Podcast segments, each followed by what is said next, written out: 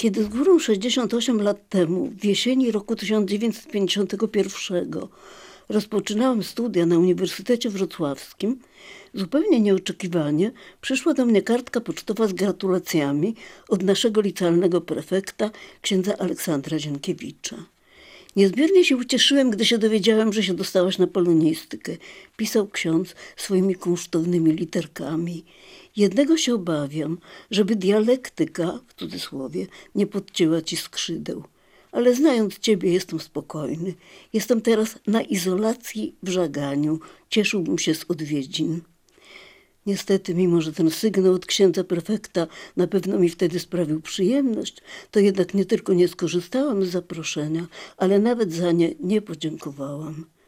Za to po mniej więcej 35 latach, kiedy ta kartka wychynęła nagle spośród moich papierów, ogarnął mnie wielki wstyd. Postanowiłam naprawiać ten godny ubolewania błąd, kiedy i jak tylko się da.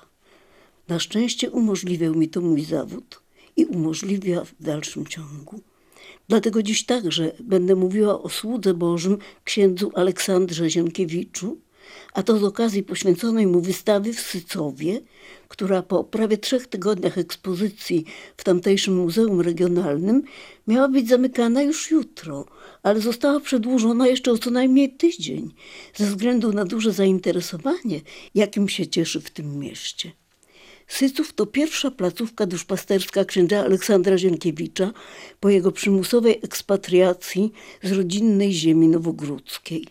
Był tu prefektem w szkole powszechnej i gimnazjum ogólnokształcącym w roku 1946 i 1947, zanim znalazł się we Wrocławiu ku pożytkowi licznych pokoleń wrocławskich studentów.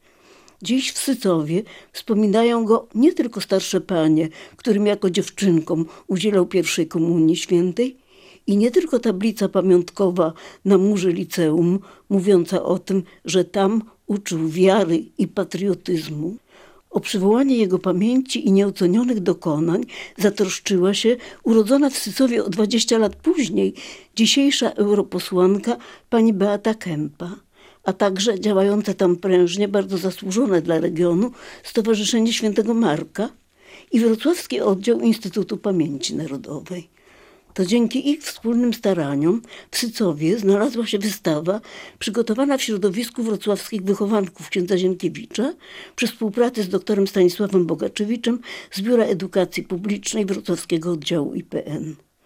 Wystawa ta eksponowana była poprzednio w listopadzie pod czwórką, czyli przy ulicy Katedralnej 4, jako wydarzenie towarzyszące uroczystości przeniesienia szczątków sługi Bożego księdza Aleksandra Zienkiewicza z cmentarza świętego Wawrzyńca do sarkofagu w kościele świętych Piotra i Pawła, którego był wieloletnim rektorem i z którym na zawsze kojarzy się jego postać sprawującego mszę świętą, wygłaszającego kazanie i długo, długo modlącego się na kolanach u stóp ołtarza. To właśnie podczas tej uroczystości, w której innymi uczestniczył prezes Stowarzyszenia Świętego Marka, pan Stanisław Kozłowski, zapadło postanowienie o ekspozycji w Sycowie. Tu może jeszcze podkreślić warto, o czym nie miałam dotąd okazji Państwu wspomnieć, iż uroczystość ta zgromadziła takie tłumy wychowanków wujka, że Kościół ich nie ogarnął. I ci, co przyszli w ostatniej chwili, musieli się kontentować jedynie słuchaniem w sieniach czwórki, a nawet na dziedzińcu. Musiało to więc chyba być około pół tysiąca osób.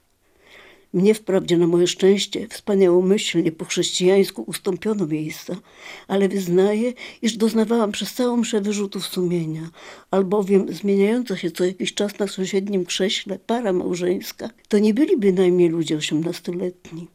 Wszak od śmierci księdza Aleksandra Zienkiewicza minęło już prawie ćwierć wieku zaś od rozpoczęcia procesu beatyfikacyjnego na szczeblu decyzjalnym niespełna 10 lat i ponad dwa od jego zakończenia.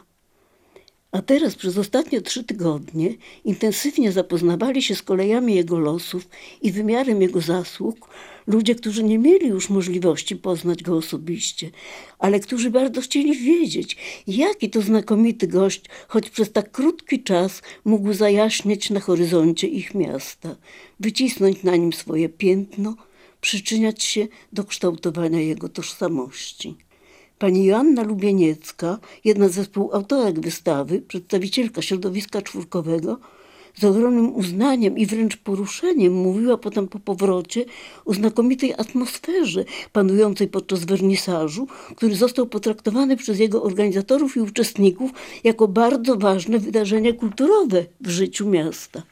Podkreślała świetne przygotowanie wszystkich wystąpień, a między innymi młodego burmistrza Sycowa, pana Dariusza Maniaka, który mówił o wpływie autorytetu księdza prefekta na kształtowanie się lokalnego etosu i dyrektora liceum ogólnokształcącego, pana Roberta Dziergwę, który przyniósł z archiwum szkolnego protokół z konferencji nauczycielskiej sprzed mniej więcej 73 lat, podczas której ksiądz Zienkiewicz tłumaczył, jak budować karność wśród młodzieży.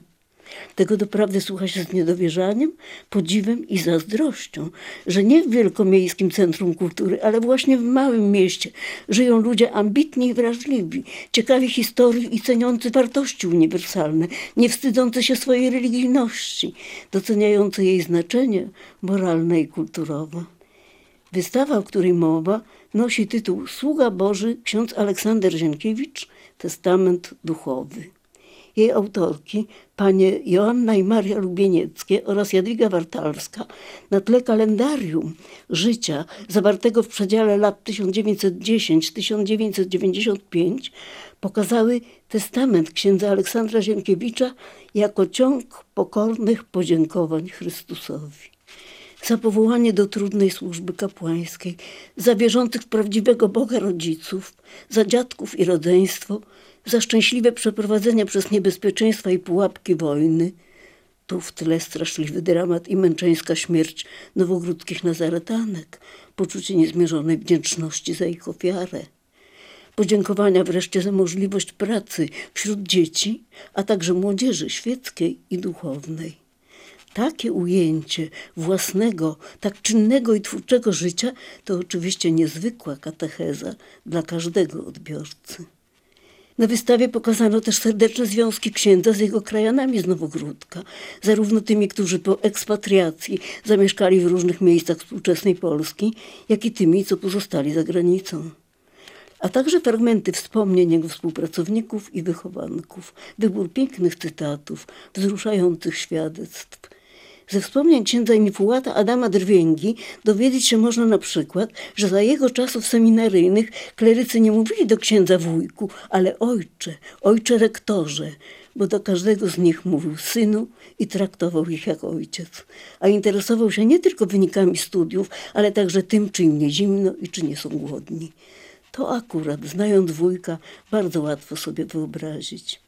Pamiętając jego lekcje religii z roku szkolnego 1949 na 50 w pierwszym liceum we Wrocławiu, także nie trudno przyjąć do wiadomości, że w niższym seminarium w Żaganiu, gdzie w roku 51 na 52 był, jak mi pisał, na izolacji, uczył nie tylko przedmiotów kierunkowych, ale także polskiego, łaciny i niemieckiego. Wszak to na jego lekcji religii usłyszałam w dziesiątej klasie pierwszego liceum po raz pierwszy w życiu zdania i uwagi Mickiewicza, a wśród nich to jedno z najważniejszych podyktowane nam do zeszytów z religii. Mówisz, niech sobie ludzie nie kochają Boga, byle im była cnota i ojczyzna droga. Głupiec mówi, niech sobie źródło wyschnie w górach, byleby mi płynęła woda w miejskich rurach. Więc jeśli wolno mi pozostać jeszcze przy osobistych wrażeniach, to mnie szczególnie poruszyła wśród przytaczanych na wystawie tekstów zacytowana tam wypowiedź prymasa Wyszyńskiego dotycząca tego właśnie okresu, z którego początku pochodzi przysłana do mnie z żagania kartka księdza prefekta w subtelnej formie ostrzegająca mnie przed zagrożeniem dialektyką w cudzysłowie. Cytuję prymasa. Lata 51-56 były ciężkie dla Wrocławia. Tarcia ideologiczne były ogromne. Komunizm natrętnie wciskał się do seminarium, ale szczęściem od Boga był ksiądz prałat Zienkiewicz, słońce życia kapłańskiego. Nie pozwoliłby młodzieży seminaryjnej działa się krzywda. Takiego rektora zazdroszczą wam inne diecezje w Polsce. Koniec cytatu. Mowa tu o następnym już roku szkolnym czy akademickim, kiedy to ksiądz Zienkiewicz, odsunięty do żagania od wpływu na młodzież szkolną, powrócił do Wrocławia, by objąć stanowisko rektora Wyższego Seminarium Duchownego, mimo sprzeciwu władz państwowych. Zatem na wystawie o testamencie wujka można się uczyć historii Polski. I tak właśnie traktuje swoje lekcje muzealne pani Agnieszka Kuświk-Jasień, kierownik Muzeum Regionalnego w Sycowie. Okazja do mówienia dzieciom o nieznanych im dziejach Polski pojawia się dla niej, jak mi mówiła, już w pierwszych informacjach z życia bohatera wystawy, który urodził się w zaścianku Lębówka, chrzczony był w Duniłowiczach, a święcenia kapłańskie przyjął w Pińsku i był rektorem kościoła Farnego w Nowogródku. Już w samych nazwach ileż inspiracji. W czasie minionych trzech tygodni trwania wystawy pani kierownik przeprowadziła takich lekcji kilkanaście i codziennie zgłaszają się wciąż nowe klasy z katechetami na lekcje religii i na lekcje stricte historyczne z nauczycielami historii. W sumie do minionego wtorku zwiedziło wystawę ponad 550 osób i zapowiada się kolejny pracowity tydzień. Wokół postaci księdza Aleksandra Zienkiewicza ruch nie ustaje. Wczoraj, w dniu święta Papieskiego Fakultetu Teologicznego we Wrocławiu, sali numer 30 tej uczelni zostało nadane jego imię. A dziś w południe na cmentarzu świętego Wawrzyńca odbył się pogrzeb najmłodszej, ostatniej już z wielodzietnej rodziny żyjącej siostry księdza, świętej pamięci pani Teresy Rybi. Pożegnała ją rodzinę wrocławskich czwórkowiczów. Z czym zatem pozostają żywi? Przemawiając podczas uroczystego wernisażu wystawy, pan burmistrz Dariusz Maniak wyrażał radość, że po 74 latach ksiądz Aleksander Zienkiewicz wraca do Sycowa, który pozostanie wierny jego pamięci i jego testamentowi. A pani poseł Beata Kępa, podkreślając głęboką wiarę i patriotyzm księdza, których uczył młodzież, podsumowała swoje wprowadzenie – chociaż sam mówi o zupełnie innej rzeczywistości, dzisiaj, gdy jednym z zagrożeń jest postępująca dechrystianizacja Europy, szczególnie mocno brzmią jego słowa.